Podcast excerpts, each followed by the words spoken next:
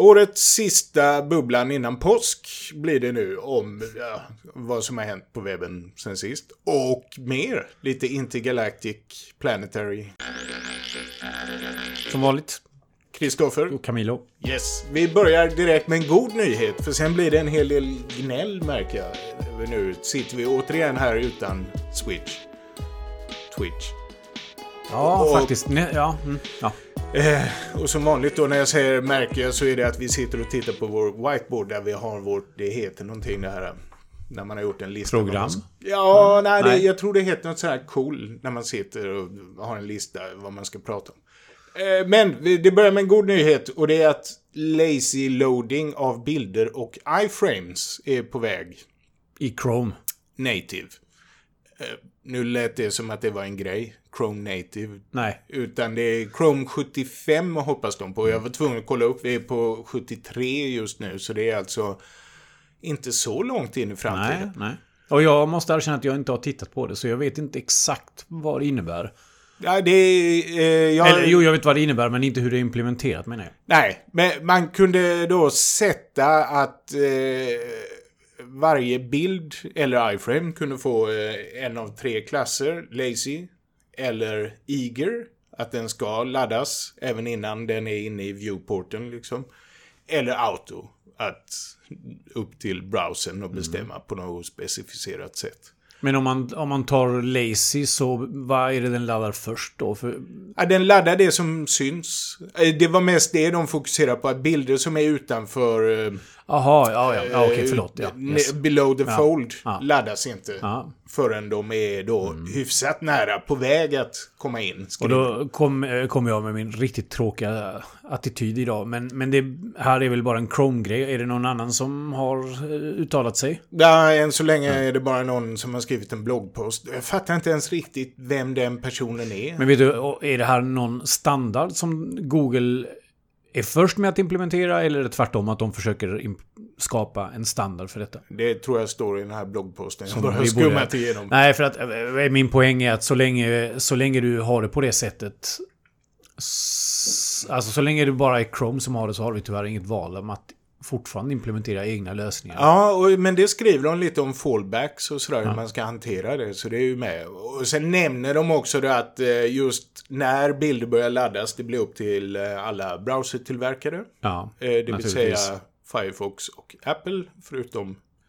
Och då inte ens Firefox utan Mozilla Org. Ja. Och sen vet jag inte alla de här nya Brave och vad de heter. Men är inte de baserade på typ Chromium eller något liknande? inte det- alla, men de flesta kan jag tänka mig. Och där apropå det så hade ju du hittat någon lista på features som inte var med i... Eh, Edge? In, nej, inte Edge, förlåt. Jo, jo, va- Microsofts eh, Mic- nya Edge som bygger Chromium. på... Ja. Och de hade tagit bort... Alltså det, det mesta de hade tagit bort från sin version var inte så konstigt. Det, var integrationer till Chrome, eller till Google på ett eller annat sätt. Ja. Men push notifications hade de tagit bort och det blev jag lite förvånad över. Ja, Är inte det någonting som alla browsers är på väg att ha? ja. Men Eller? eh, det, det är väl att de inte är klara med implementationen. Alltså själva backend. Mm. Eller vad vet jag. Men eh, jag fick massa push. Jag råkade klicka okej, allow istället för block på någon Oj, sån här push. oj, oj, oj, Så oj. började det dyka, nu! Så men så här, nu, här är en artikel om något jag fullkomligt struntar i. Det. Nej, nej det vi har nämnt det där tidigare. Det är helt bisarrt så mycket sådana förfrågningar man får. Det kommer ju sluta med att... Att de tar bort det. Ah, ja, faktiskt. Fråga. Och det är ju synd, kan jag tycka. Eller inte. Ja, vi får se. Ja, det är ju synd på det... Eller ja, i och för sig, det är i så fall om man behåller det för PVAs.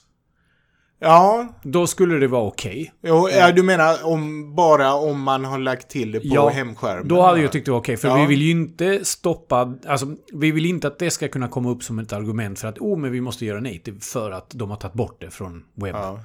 Nej, exakt ja. Och, och här, det är ju verkligen upp till var och en då och ansvarsfullt Ja, men använda. det är det som är problemet. Att det, och, och, eh, jag tror jag också nämnt det här tidigare, men det finns ju en inställning i till exempel i Chrome där du kan stänga av alla notifications för alla sajter i förväg.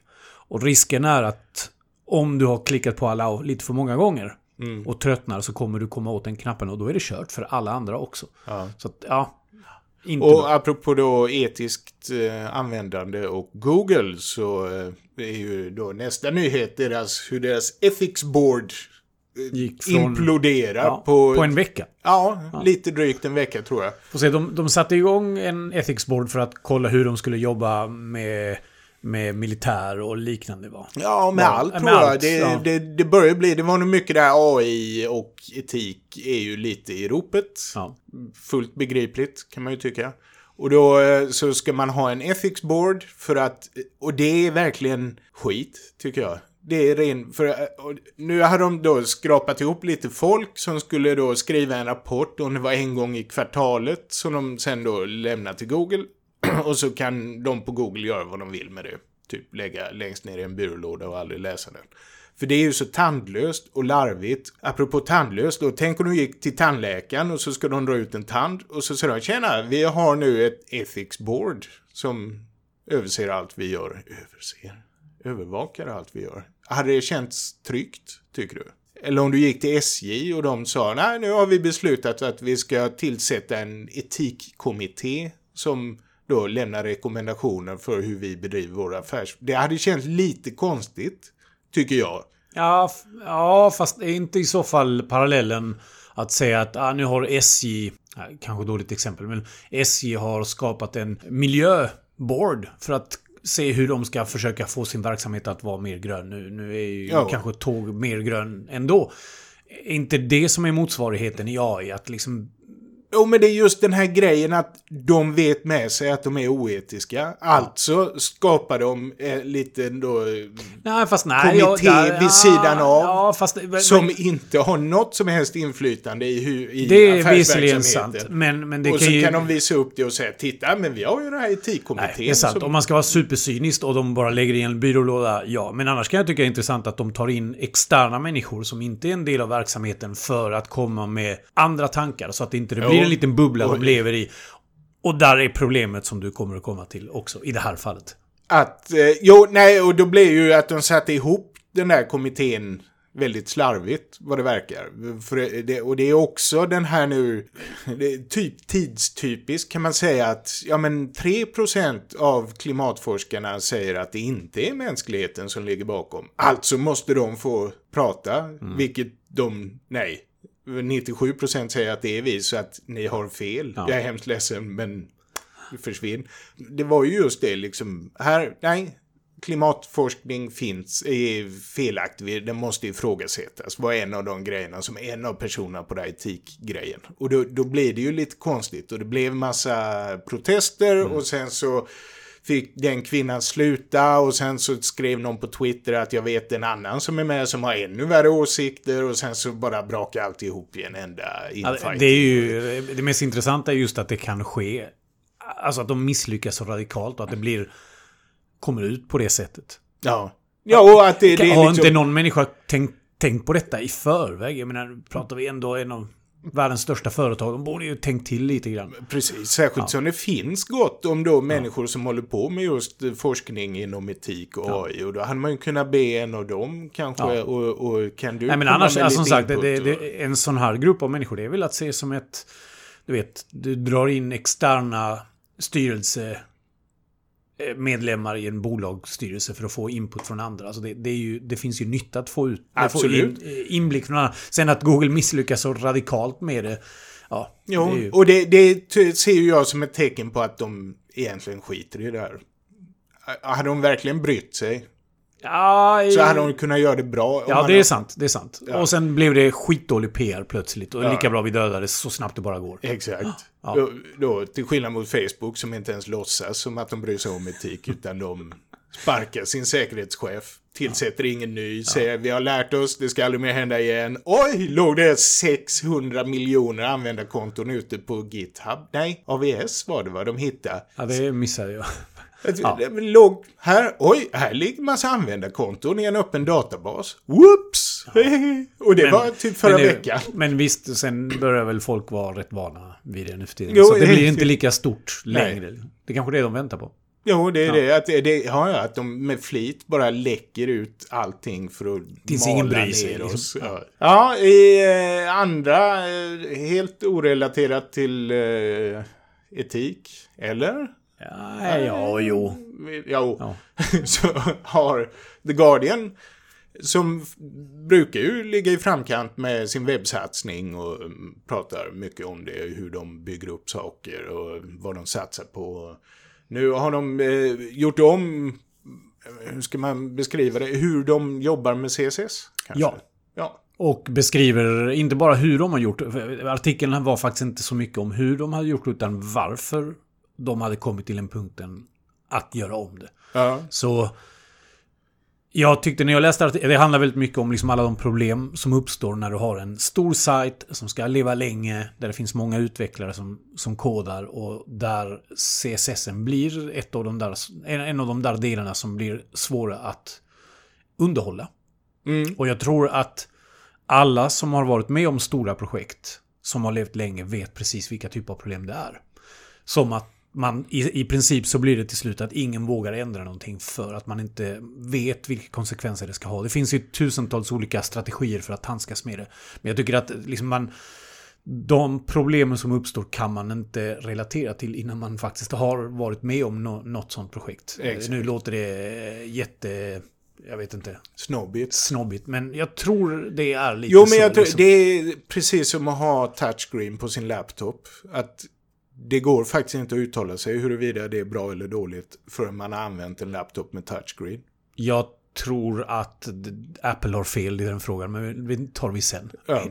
Nej, vi- ja. Nej, eh, nej, så att i grund och botten så handlar det om att allt det här med att till exempel ska man skriva CSS på ett visst sätt? Ska man ha komponenter? Eh, Ska man följa de här Atomic eh, sätt att, att skriva CSS som din favvis Sellman? ehm, Nej, Nej, det, det, är ju han, eh, den andra. Fast det här verkar nästan vara ett framework då de refererar till Atomic CSS. Att det var något... Ja, nej men det är ju också tankesättet. Liksom, var- var sätter du CSS och hur finns Ja. det... Simplifierat, finns det global CSS som kan, du kan återanvända? Ska du skriva klasser du kan återanvända eller ska du skriva unika klasser för varje komponent men därmed ha mer kod? Och vad de har kommit fram till är att de använder någonting som heter emotion som är liknande style components. I princip är det att du inte längre skriver CSS Alltså när du skriver CSS så har du HTML och du har CSS och de är löst kopplade. Det är liksom ett namn som råkar vara densamma och därför är det ihopkopplat. Medan med de här, om man skriver Style Components eller Emotion i React till exempel, då är det att CSS är väldigt tight ihopkopplad. Det går inte att separera och säga att det finns en klass som råkar heta en sak och därför dyker den upp. Så man, man kopplar ihop det väldigt mycket vilket gör att du inte kan påverka något annat egentligen. Även om det finns sätt att göra det också.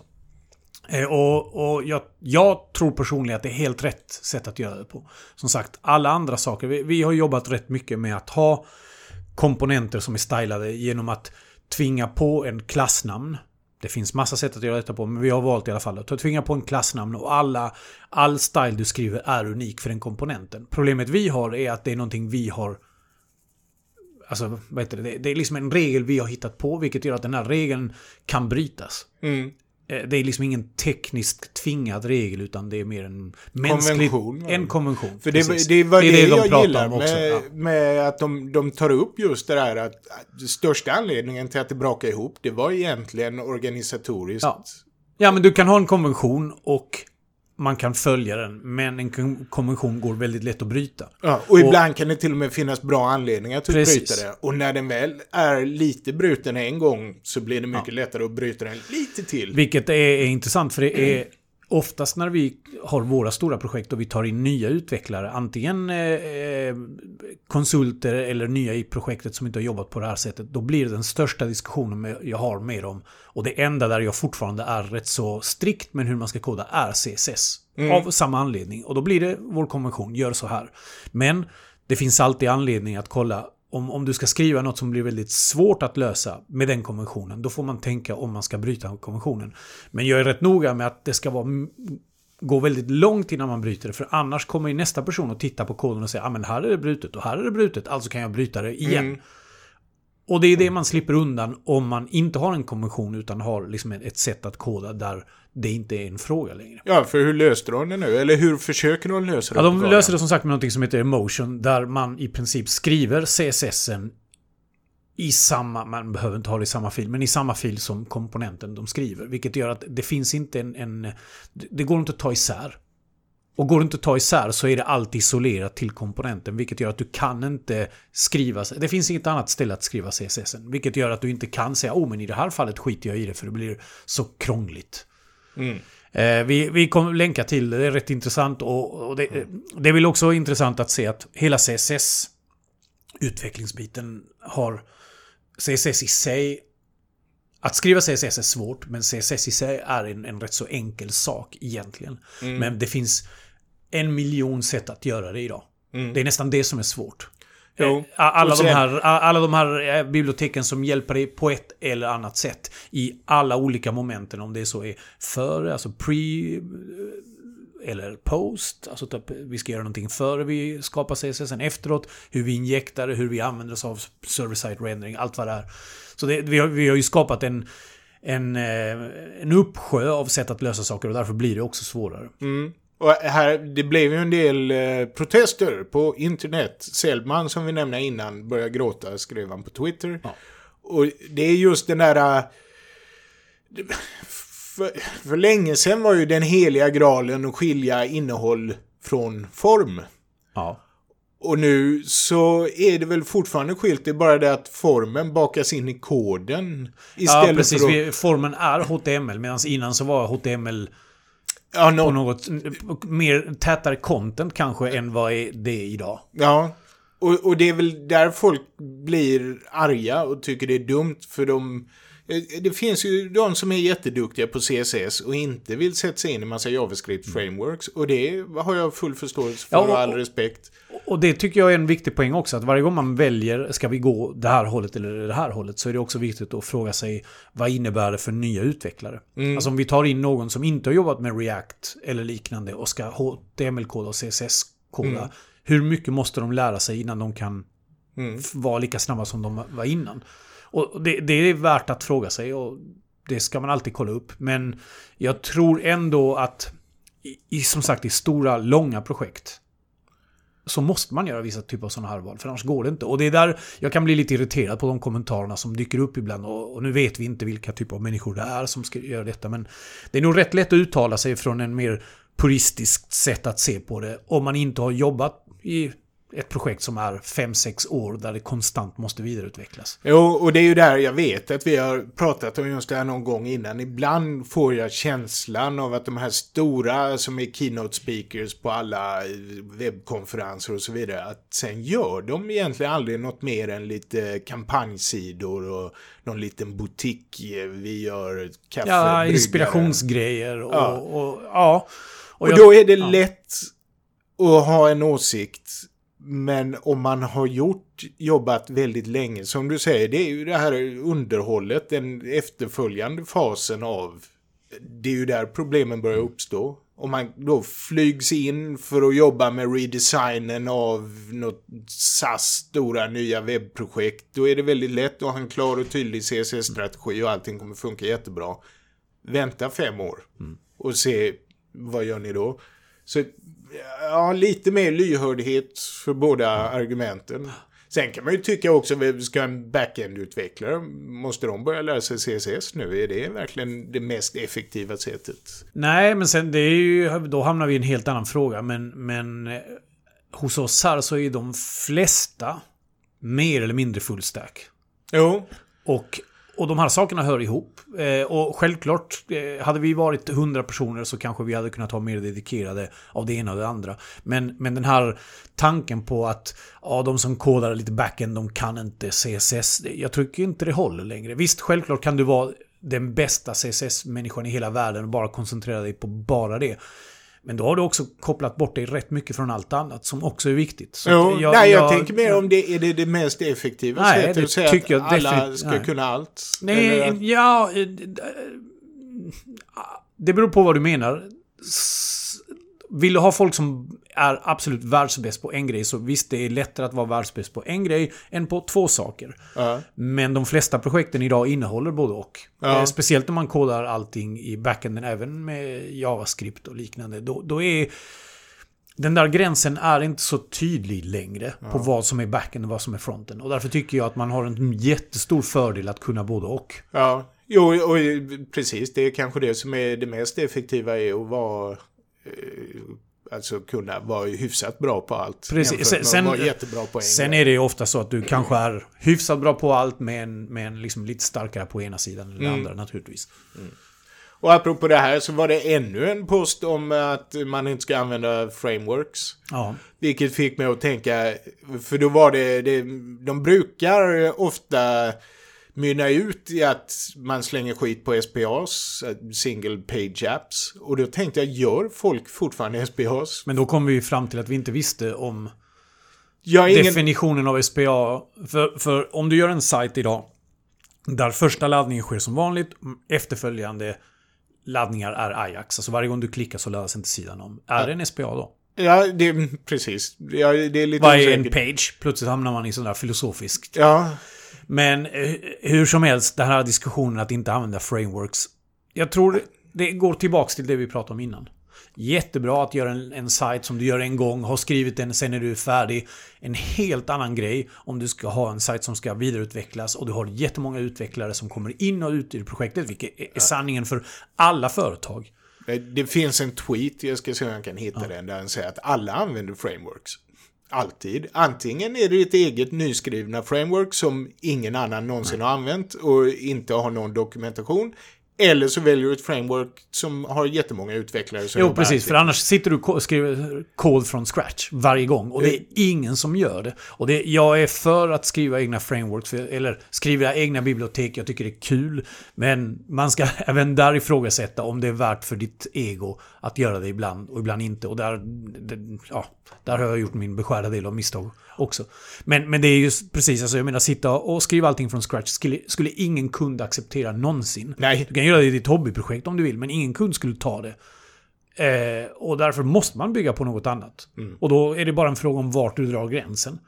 Och visst är det trevligt att skriva JavaScript från scratch ibland bara för att åh, kolla det går direkt och du behöver inte vänta på att den ska transpileras och grejer. Men nej, inte i stora projekt. Det funkar bara inte tycker jag. Och apropå stora projekt så vår egen webbsida, nu kommer vår Vår lilla- som vi funderar på att skriva men som inte är klar än. Men eh, ja, hur går det med... Hur går det med den? Ja, nej, jag, ja, eh, vad ska vi säga? CMS-biten är, vad ska vi säga, övergången från WP Page-bilder till Gutenberg är de största bitarna är på plats. Nu Och du bara upptäckte ju nu en feature som inte var då 5.0. Nej, det vet jag inte för jag testar aldrig 5.0. Men det finns någonting som heter, äh, eller i, i Gutenberg i Wordpress så finns det block. Det är i princip då blocken du sätter in i content.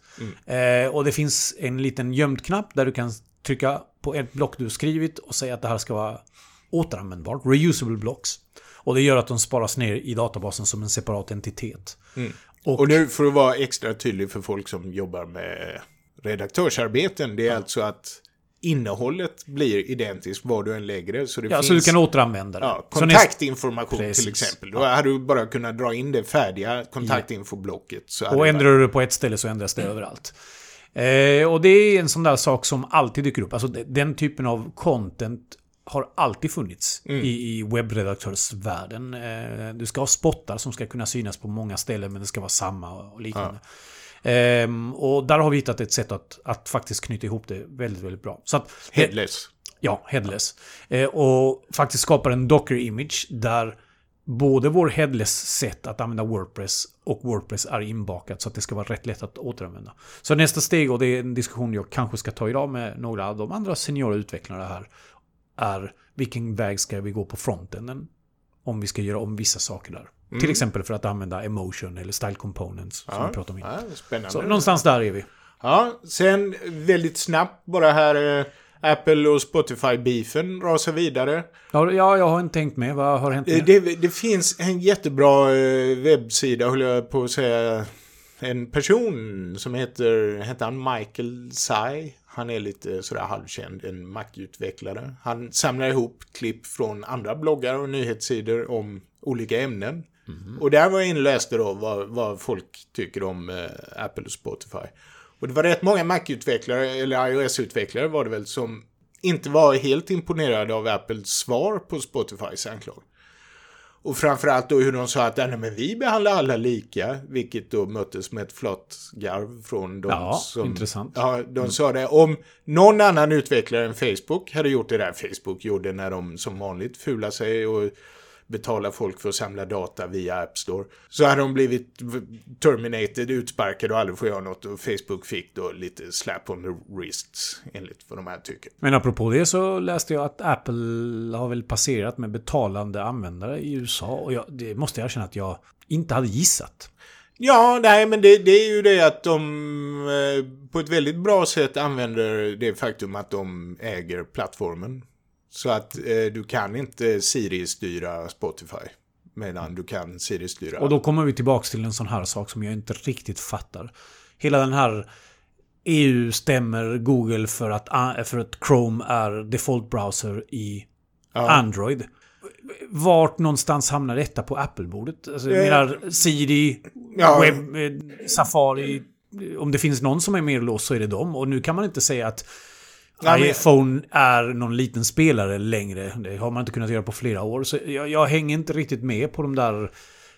Nej, men det, det blir väl ett eh, prejudikat då, så att när de väl ska smälla till Apple så går det mycket snabbare. För då Ja. kan de bara säga titta vad vi gjorde med Google. Fast borde inte det i så fall vara samma sak som de gjorde med Microsoft med Internet Explorer för länge, länge sedan? Fast det var nog i USA.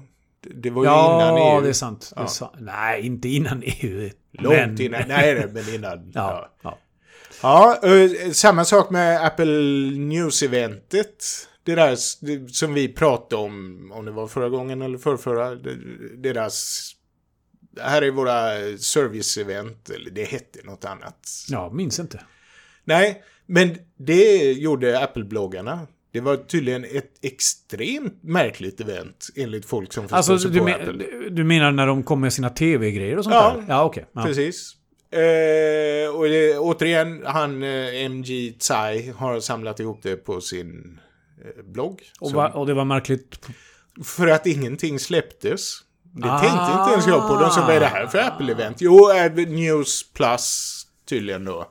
Men de som, vad är det här? Vadå, kommer någon gång till hösten? Så de gjorde en, en Google alltså? Ja, Jaha. det gjorde de. Det har jag faktiskt Och- inte ens tänkt på. Nej, och vilket då visar hur jag, jag kanske får köpa en iPhone så jag kan förstå Apple lite bättre. För de har blivit helt blank slate för mig. Plus att det tydligen var extremt tråkigt.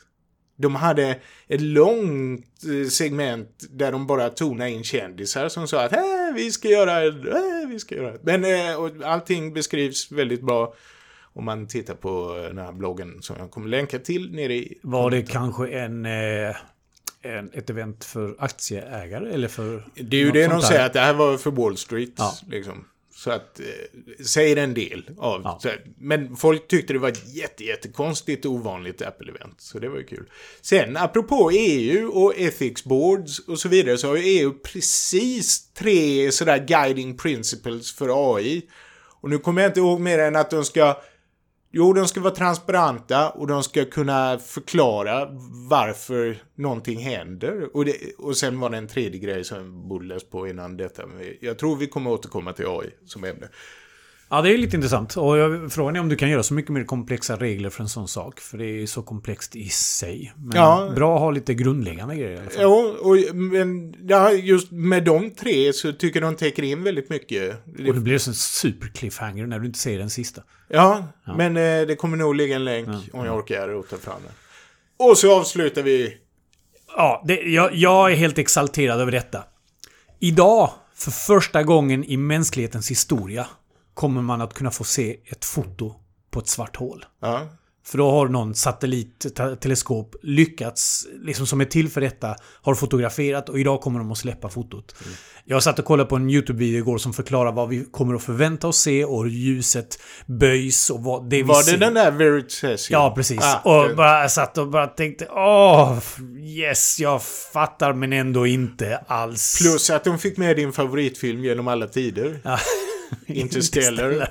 Som jag ska lägga till att jag tycker det är helt okej fram tills de ska förklara Ja, en viss del och, och så handlar det om Och då blir jag Åh, förbannad. visst, spoiler, spoiler. Nej, men, det ska bli spännande. Det är ju jättespännande Det tycker jag. Jag jättespännande. försökte få min familj igår att bli lika exalterad som jag och de fattar inte alls. Alltså min uppskattning för rymden har ju ökat exponentiellt sen jag började spela det här Leaving Earth-spelet som jag var tvungen att Brädspel, 3D-printa. ska- Ja, ett brädspel som gjorde att jag var tvungen att lära mig ett CAD-program för att kunna 3D-printa korthållare. Men sen dess, oh, jag, jag tittar på med stor förtjusning då. Där jag satt nästan och grät när de sköt ut den här Falcon X i Ja, ja. rymden. ja liksom. och, och det är bisarrt att jag minns när, när den europeiska rymdorganisationen ESA. ja, råkade, eller skulle släppa ner den här lilla eh, rymdskeppet på en, på Ja, en asteroid för Ja. rätt länge sedan. Eller meteor... Nej, asteroid... Ja. Ja. Ja, så mycket kan jag om detta. eh, och, och nu, den studsade fel och alla var spända och man inte visste. Och nu har det gått några år och nu har japanska motsvarigheten sprängt ett litet hål på en sån asteroid för att ta materia för att skicka tillbaks till jorden om ett tag. Och det är ah, mindblowing, helt enkelt. Och sen sitter vi här och pratar CSS. Ja, nej, jag vet jag inte. kommer, som en bonus kommer jag slänga in en länk till ett förslag till hur man ska 3D-printa bostäder på Mars. Som Oh. jag såg igår. Den är också gåshud. Nej, alltså okej, ni, idag, nu, nu pratar vi väldigt mycket om tid, så idag kommer de att släppa det. När ni lyssnar på detta har de släppt det för länge sedan. Men har ni inte kollat upp det, kolla upp det. det är nästan så vi borde hålla I- på avsnittet tills... Ja, Ja, och, får- och sen är det ingen som vet hur den här bilden kommer att se ut, så det kan hända att det är skittråkigt. Ja, Men alltså, det tror är du inte coolt! De, de har väl tittat på den innan. Nu sitter ju säkert en stab av Photoshop-experter och touchar upp bara, det att de, det. bara det att de säger detta några dagar i förväg. Att på onsdag ska vi släppa en Jag menar, de hade ju bara kunnat släppa bilden. Ja, ja. Men det, nej, jag tycker det är superhäftigt. Men och om ni uppskattar det här avsnittet eller tyckte det var intressant så berätta det gärna för någon ni känner. Yes. Tack så mycket. Tack.